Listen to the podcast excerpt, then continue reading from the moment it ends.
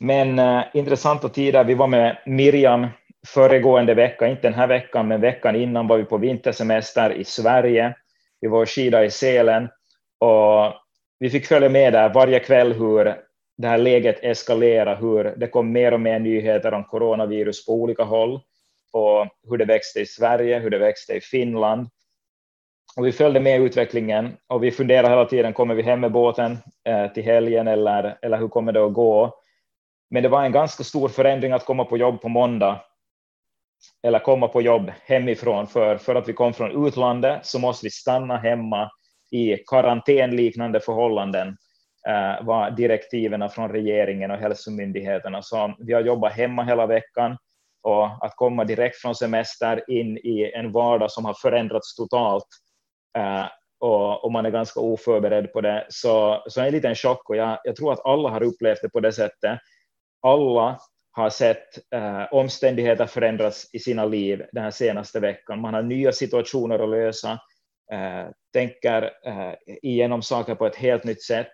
Vad är det eh, jag behöver få gjort nu? Vad är det viktigaste? Hur ska jag få det här att rulla med vardagen? Hur funkar jobbet? Och många rutiner förändras. Jag tror att, att inte för bara en och två, utan för ganska många av oss så har vi i något skede under veckan känt oro för någonting. Vi har känt eh, att det här är en väldigt utmanande situation och kanske också blivit rädda. Och jag skulle säga att för många så, så skakar nu grundvalarna i livet. Man kanske funderar på jättemånga olika saker, eh, inte bara sin hälsa. Jag tror att många funderar på sin hälsa, om det här är farligt för en. Och, och där känner vi till vad hälsomyndigheterna har sagt, att för 80 procent så är det här inte farligt. Eh, men det finns riskgrupper, det finns de äldre som det kan vara farligt för. Vi kanske funderar på hälsan, men vi tänker kanske också på ekonomin. Vi har företagare. Eh, hur kommer jag att ha jobb efter det här? Eh, kommer jag att bli uppsagd, permitterad? Hur går det med relationer nu, med sociala kontakter? Hur möts vi? Det finns jättemånga olika saker som hör till den här helheten och som kan skrämma oss och som kan skapa oro. Jag kände av det i början av veckan att nu har allt ändrats och vi fick jobba för högtryck för att få allt att funka och rulla i en församling där så mycket bygger på att möta varandra och, och liksom komma nära varandra, stödja varandra, eh, gemenskapen fundera om hur kan vi göra allting nu? Och, och jag märkte själv att det är så viktigt att välja hur jag fokuserar i den här tiden, att välja vad jag väljer att tro på egentligen när allting förändras. Det är lätt att vi börjar följa med nyheterna jättemycket, hela tiden uppdateras om vad är coronaläget, men vi glömmer att uppdatera oss om, vänta lite, vad säger Gud i den här situationen? Vem är Gud i den här situationen? Så vi bara börja med att läsa Eh, från Matteus evangeliet. Du får gärna öppna din bibel där hemma och följa med när vi läser från Matteus evangeliet 6 och vers 24 och framåt. Jag vill läsa hela det här stycket för det är så relevant i den här tiden för var och en av oss. Och det talar mycket om vad vi bygger vårt liv på och hur vi hanterar det. Lyssna här. Matteus 6, 24 framåt. Ingen kan tjäna två herrar. Antingen kommer han då att hata den ene och älska den andra, eller kommer han att hålla sig till den ene och se ner på den andra. Ni kan inte tjäna både Gud och mammon. Därför säger jag er, gör er inte bekymmer för ert liv, vad ni ska äta eller dricka, inte heller för er kropp, vad ni ska klä er med. Är inte livet mer än maten och kroppen mer än kläderna. Se på himlens fåglar. De sår inte, de skördar inte, de samlar inte i lador och ändå föder er himmelske fader dem. Är inte ni värda mycket mer än det? Vem av er kan med sitt bekymmer lägga en enda aln till sin livslängd? Och varför gör ni er bekymmer för kläder? Se på ängens liljor, hur de växer. De arbetar inte och spinner inte. Men jag säger er att inte ens Salomo i all sin prakt var klädd som en av dem. Om nu Gud ger sådana kläder åt gräset som idag står på ängen och imorgon kastas i ugnen, hur mycket mer ska han då inte klä er? Så lite tro ni har. Gör er därför inte bekymmer och fråga inte. Vad ska vi äta? Vad ska vi dricka? Eller vad ska vi klä oss med? Efter allt detta söker hedningarna, men er himmelske fader vet att ni behöver allt detta. Nej, sök först Guds rike och hans rättfärdighet, så ska ni få allt det andra också. Gör er alltså inte bekymmer för morgondagen.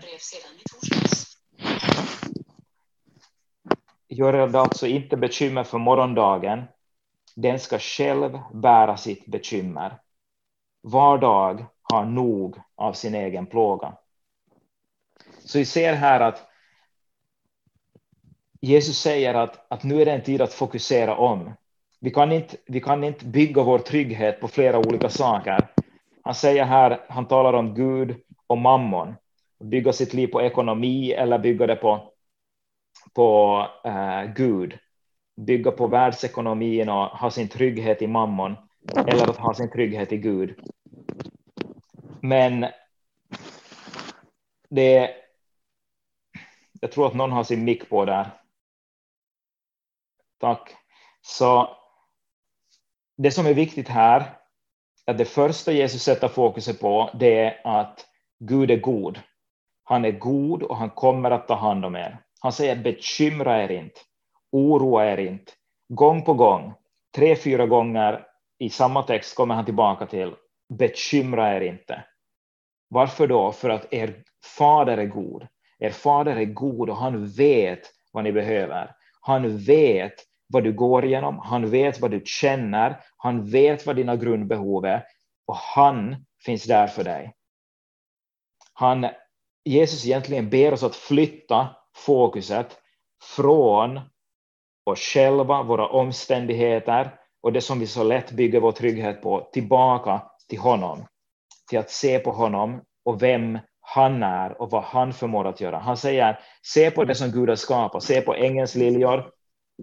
Jag har skogen här precis utanför fönstret där jag sitter. Se på naturen, se på fåglarna, se på liljorna och kolla hur Gud tar hand om dem, hur Gud klär dem. Alltså de har sitt ursprung i Gud och Gud tar hand om dem. Samma gäller för dig. Du har ditt ursprung i Gud, du är Guds skapelse. Han har skapat dig och för att du har ditt ursprung i Gud så älskar Gud dig och han tar hand om också dig. Vi kan välja vad vi fäster blicken på och det är intressant att det används just det här uttrycket gör er inte bekymmer. Vi kan på sätt och vis uh, göra oss själva bekymmer eller välja att inte göra oss själva bekymmer. Jag ska också uh, berätta lite idag hur man gör för att fokusera rätt och för att få frid i sitt liv. Så det är väldigt tydligt här att Gud eller att Jesus säger ni behöver inte bekymra er för någonting.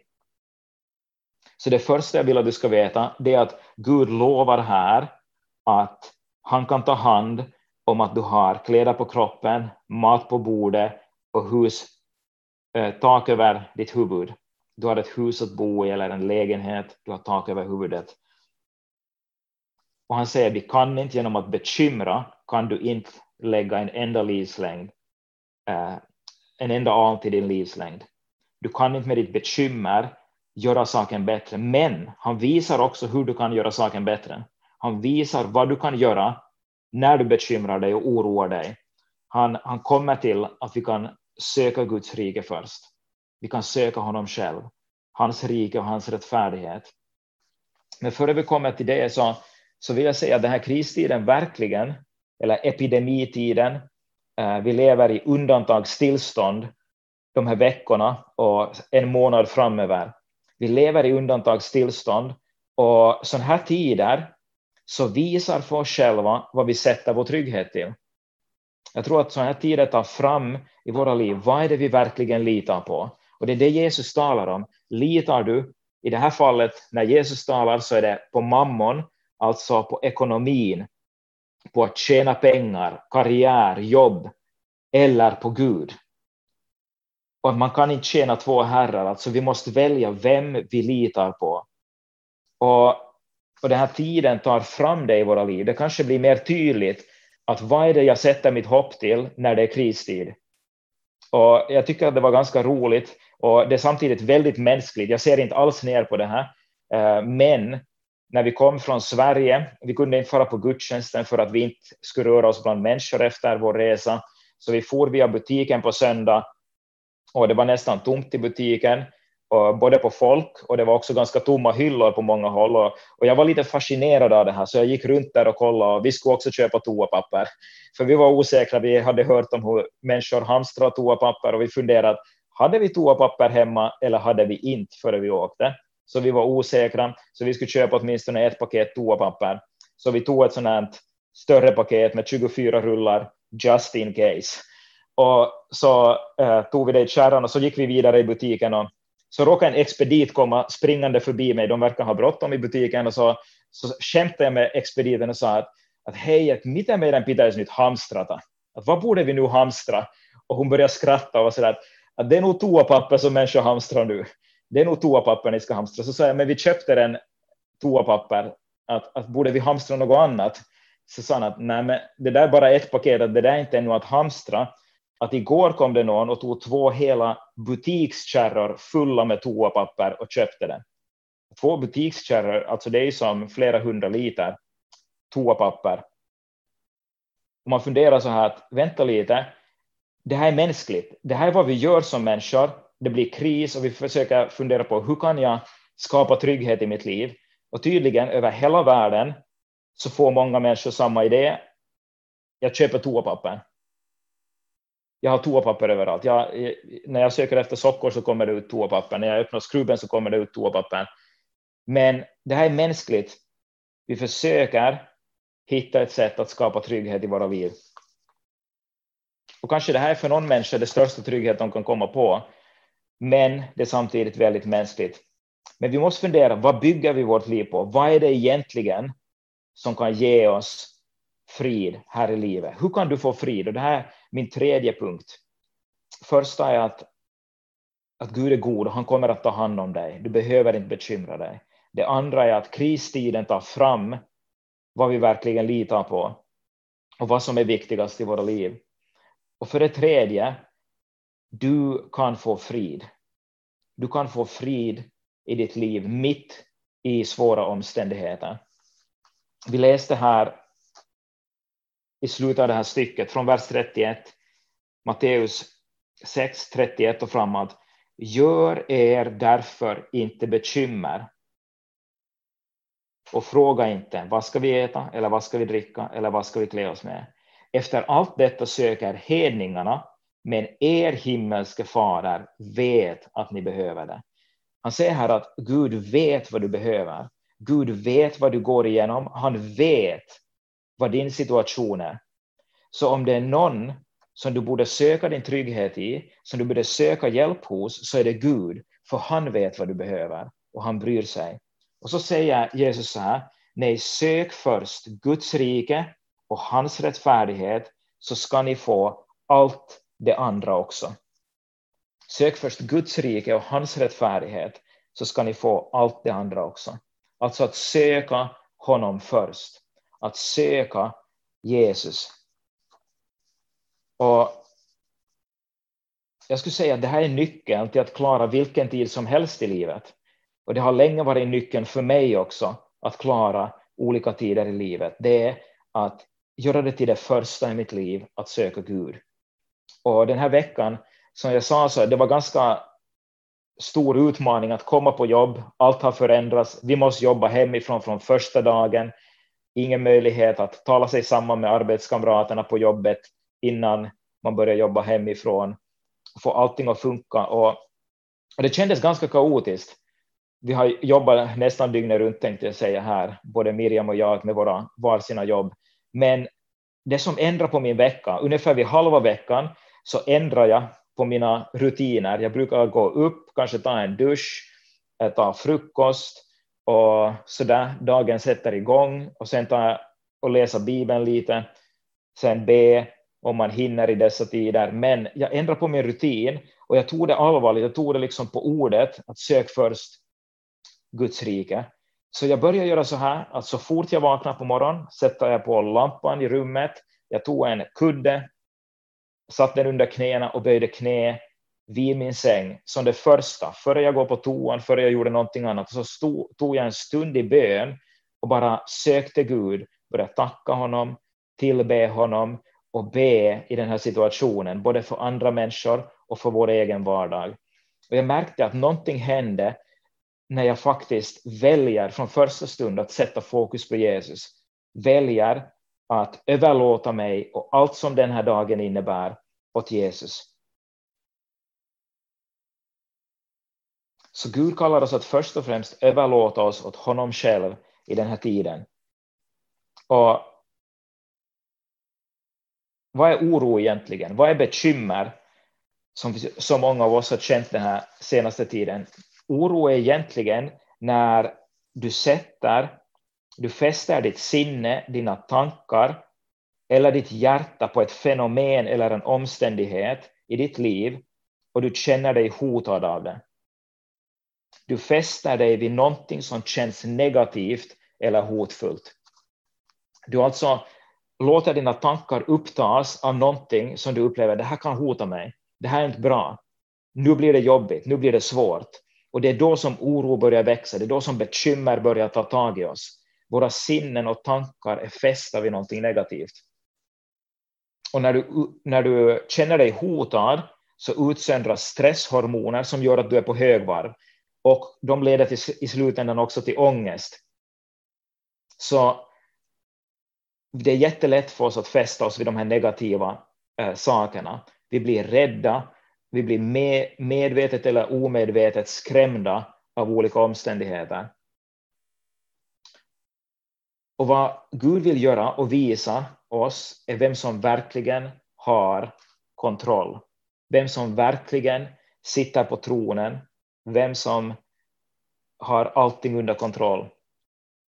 Och Gud har makt att hjälpa, han kan ta hand om oss oavsett omständigheterna. Och han vill visa det, han har kontroll oavsett vad som händer i samhället, oavsett vad regeringen bestämmer, oavsett hur coronaviruset sprids, så vet Gud det. Han blir inte överraskad. Eh, han är inte liksom som tagen på sängen att oj, kära någon, vad är det som händer nu? Han tittar på sin Earth-monitor där från himlen. Han, han är bara så här, han vet precis vad han kommer att göra i den här situationen. Så vad Jesus säger är fokusera om. Fokusera om. Flytta ditt fokus och ha det först och främst på Guds rike.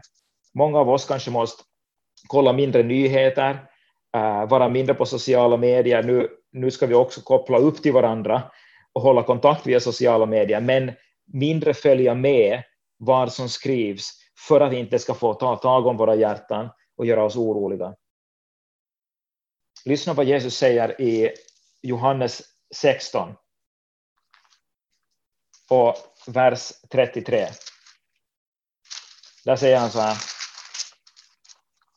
Johannes 16, vers 33. Detta har jag talat till er för att ni skall ha frid i mig. I världen får ni lida, men var vid gott mod, jag har övervunnit världen. Han säger att det här har jag talat till er för att ni ska ha frid i mig. Jesu vilja är att du ska ha frid i honom, att du ska äga en frid oavsett omständigheterna. Och när han säger så här, det har jag talat till er för att ni ska ha frid i mig. Vad är det han har talat? Han har talat i Johannes kapitel 14, 15 och 16 om den helige ande som är närvarande i våra liv och hur nära relation till Fadern vi alla får ha, hur vi alla är välkomna att lära känna honom personligen, hur vi får hjälparen som hjälp i alla livets omständigheter. Det är det han har talat om i de här kapitlen innan. Och så säger han, detta har jag talat er för att ni ska ha frid i mig. Och precis innan det här så kan vi läsa vers 23 och vers 24 och sen vers 27, där han säger så här, den dagen kommer ni inte att fråga mig om något, amen säger er, vad ni ber Fadern om i mitt namn, det ska han ge er. Hittills har ni inte bett om något i mitt namn. Be och ni ska få, för att er glädje ska vara fullkomlig. Han säger att, att vi, ni får nu rätten, ni får auktoriteten att be i mitt namn. Ni får be med mitt eget namn och ni får själv komma rakt till Fadern i mitt namn. Och ni får be för att er glädje ska vara fullkomlig. Han säger att, att här finns en nyckel till att ha en fullkomlig glädje oavsett omständigheter. Du har tillträde till Fadern. Du har direkt tillträde till Fadern i den här svåra tiden och i de här svåra omständigheterna. Hänger du med? Vers 27 säger han ännu så här. Ty Fadern själv älskar er.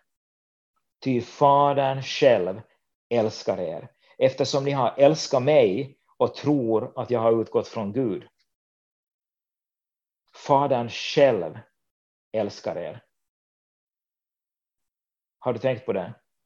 Fadern själv älskar dig personligen, just dig som sitter och lyssnar nu. Han älskar dig, han bryr sig om dig och han ger dig rätt att komma till honom i Jesu namn och söka honom för vad du behöver. Han säger, det här säger jag för att din glädje ska vara fullkomlig och för att ni ska ha frid i mig. Vilken möjlighet, vilken gåva av Jesus att ge oss hans namn, hans namns auktoritet och vi får komma direkt till Fadern. Många av oss sitter hemma och kopplar upp på nätet och vi jobbar hemifrån. Eh, vi håller kontakt med våra nära och kära via nätet. Vi kopplar upp till nyheter, vi kopplar upp till underhållning. Och det kan lätt vara att vi fyller nu våra tomrum med nyheter, underhållning, sociala medier, när vi alla sitter hemma. Vi är väldigt uppkopplade. Men det som Jesus säger här, det är att du har en direkt link, direkt koppling till Fadern, om du bara vill. Du har en direkt uppkoppling. Och det här är, nu talar vi inte liksom gamla modem eller dålig 3G.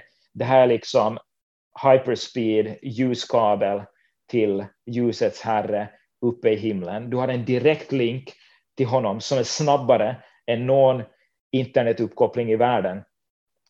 Och du har tillträde till Fadern för att han älskar dig. Er fader själv älskar er. Tänk på det, för det betyder, vilka möjligheter du har att få hjälp av honom som har kontrollen. Någon sa så här, I don't know what the future holds, but I know him who holds the future. Jag känner inte till vad framtiden bär med sig, men jag känner honom som bär framtiden i sina händer. Och det är mycket viktigare. Vi behöver inte veta allt om hur det kommer att gå med coronaviruset, med våra jobb, med ekonomin. Vi behöver inte veta det, vi behöver bara veta en sak. Och det är det att vår fader, han är god, han har kontrollen och han är tillgänglig för oss.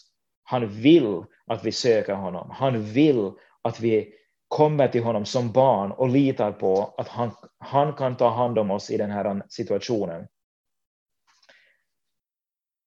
Och jag tror att här, här någonstans så kan vi hitta friden. Vi kan hitta på ett mycket djupare sätt att Gud är med oss. Han är närvarande. I bönen så kan du börja flytta fokuset från hot och från dig själv och dina omständigheter till Fadern som är god. Du kan flytta ditt fokus till honom. Vi kan läsa från Filipperbrevet 4 och vers 6 ännu. Där säger Paulus när han skriver i Filipperbrevet. Gör er inga bekymmer för något, utan låt Gud i allt få veta era önskningar genom åkallan och bön med tacksägelse. Och lyssna, då ska Guds frid som övergår allt förstånd bevara era hjärtan och era tankar i Kristus Jesus. Helt otroligt bibelställe. Vad är det han säger här? Han säger att, att gör er inte bekymmer, precis samma som Jesus sa, gör er inte bekymmer för något, alltså för ingenting, utan istället, vad kan du göra istället? Låt Gud i allt få veta era önskningar. Låt Gud i allt få veta era önskningar genom åkallan och bön och tacksägelse. Åkallan, det är när du ropar till honom om hjälp. Du tillber honom, du älskar honom, du bara säger Gud, du är värdig. Du kan åkalla Gud där hemma och tillbe honom. För vad du gör när du lovsjunger, tillber och åkallar Gud, du flyttar fokuset och du bekänner ut vem det är som har makten. Du bekänner ut att Gud är på tronen. Så säger han bön, genom åkallan och bön. Be för varje sak i tur och ordning. Nämn vad som oroar dig. Nämn vilka saker som är utmanande för dig. Alla de saker som oroar dig, säg åt Gud, det här oroar mig. Och jag vet inte varför det oroar mig. Eller säg, det oroar mig och det är på grund av det här som det oroar mig. Och så bara nämner du varje sak i tur och ordning och så ger du det åt Gud. Och ber Gud om hjälp för det. Be i Jesu namn, som vi just läste, om hjälp för de sakerna som du oroar dig för, eller för de behov som du har i den här tiden, om det har kommit upp nya behov i ditt liv. Han, står, han sa ju att Fadern själv älskar dig. Bara nämn allting för Gud i tur och ordning och ge det åt honom. Det står ju i, i första Petrusbrevet 5 och vers 7 så står det så här. Kasta alla era bekymmer på honom, ty han har omsorg om er. Kasta dina bekymmer på honom. Han har omsorg om er. Och så stod det ännu om tacksägelse. Åkallan bön med tacksägelse. Vad händer när du börjar tacka Gud? Vad händer när du börjar eh, tacka för allt det som du redan har i ditt liv? Då fokuserar du om. Du flyttar fokuset på det goda, på det du redan har. Och vi här i Finland, vi har en vis regering, de har gjort jättebra beslut, vi har goda omständigheter, eh, vi har familj, vi har varandra, vi har till och med möjligheten att connecta med varandra över internet. Vi har så mycket att vara tacksamma för, trots att allting har förändrats, trots att saker har, har ställts upp och ner i våra liv. Så börja tacka för det goda och ditt fokus skiftas. Så jag säger första Thessalonika brevet skriver om samma sak i första Tess 5 och vers 16 till 18 så står det så här. Var alltid glada. Be oavbrutet och tacka Gud under alla livets förhållanden. Detta är Guds vilja med er i Kristus Jesus. Alltså vi kan, vi kan välja glädjen, vi kan välja att fokusera på det goda. Och det här är en nyckel till livet. Det här är definitivt en nyckel att tacka Gud under alla livets förhållanden. Och jag tror inte att han skriver det här av en slump, så att nu, har, nu hade Paulus en så pass god dag och en så pass bra period i sitt liv att nu kan han skriva tacka Gud under alla livets förhållanden. Nej, utan troligen så är det tvärtom. Han har gått igenom så mycket svårigheter, så mycket kamp när han har rest som missionär, så att han vet att han kan tacka Gud under alla livets förhållanden för att Gud är med honom. Han vet att Gud bär genom det svåraste också. Det finns en enorm kraft i tacksägelse som vi kan få tag på. Och när vi nu avslutar så kan vi läsa i precis samma stycke, precis innan det vi just läste i första test 5 och från vers 14, så ger Paulus ännu några konkreta råd som vi kan ta med oss. Va, vad kan jag göra? Okej, okay, jag kan söka Gud, jag kan be och, och Fadern är närvarande i mitt liv. Men vad annat kan jag tänka på i den här tiden? Så vi läser de här råden här till sist från första Thessalonikerbrevet 5 och vers 14 till 15. Så står det så här. Vi uppmanar er bröder tillrättavisa det oordentliga där behöver du kanske inte nu fokusera på, men här kommer det. Uppmuntra de missmodiga, ta er andesvaga och ha tålamod med alla. Se till att ingen lönar ont med ont. Sträva istället alltid efter att göra gott mot, var, mot varandra och mot alla människor. Vilka bra ord att ta med sig i den här tiden. Vi har alla en möjlighet att hjälpa någon. Det är det sista jag vill säga. Paulus säger här att uppmuntra det missmodiga.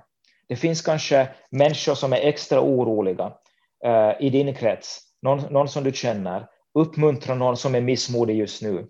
Ring någon, koppla upp med någon och uppmuntra dem. Ge vidare när du har fått frid, när du vet vägen till frid. Ge det vidare åt någon annan.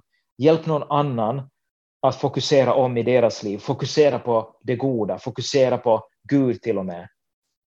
Du kan hjälpa någon annan bort från oron. Du kan hjälpa någon annan in i frid. Uppmuntra det missmodiga. Ta er an svaga. Vi som församling borde vara de första som känner igen de svaga, ser de svaga och kan betjäna dem. Förstås måste man vara frisk, inte ha något symptom.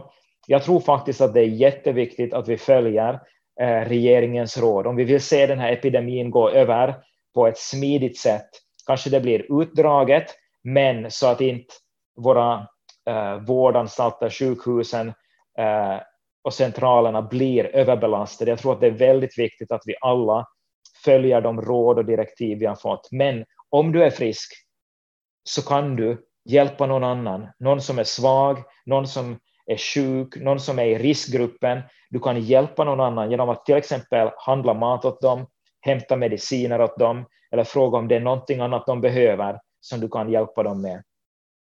Och vi försöker hålla oss friska, hålla oss trygga, men samtidigt leva ut den kristna kärleken mot andra människor. Så ta er an det svaga och sen ha tålamod med alla.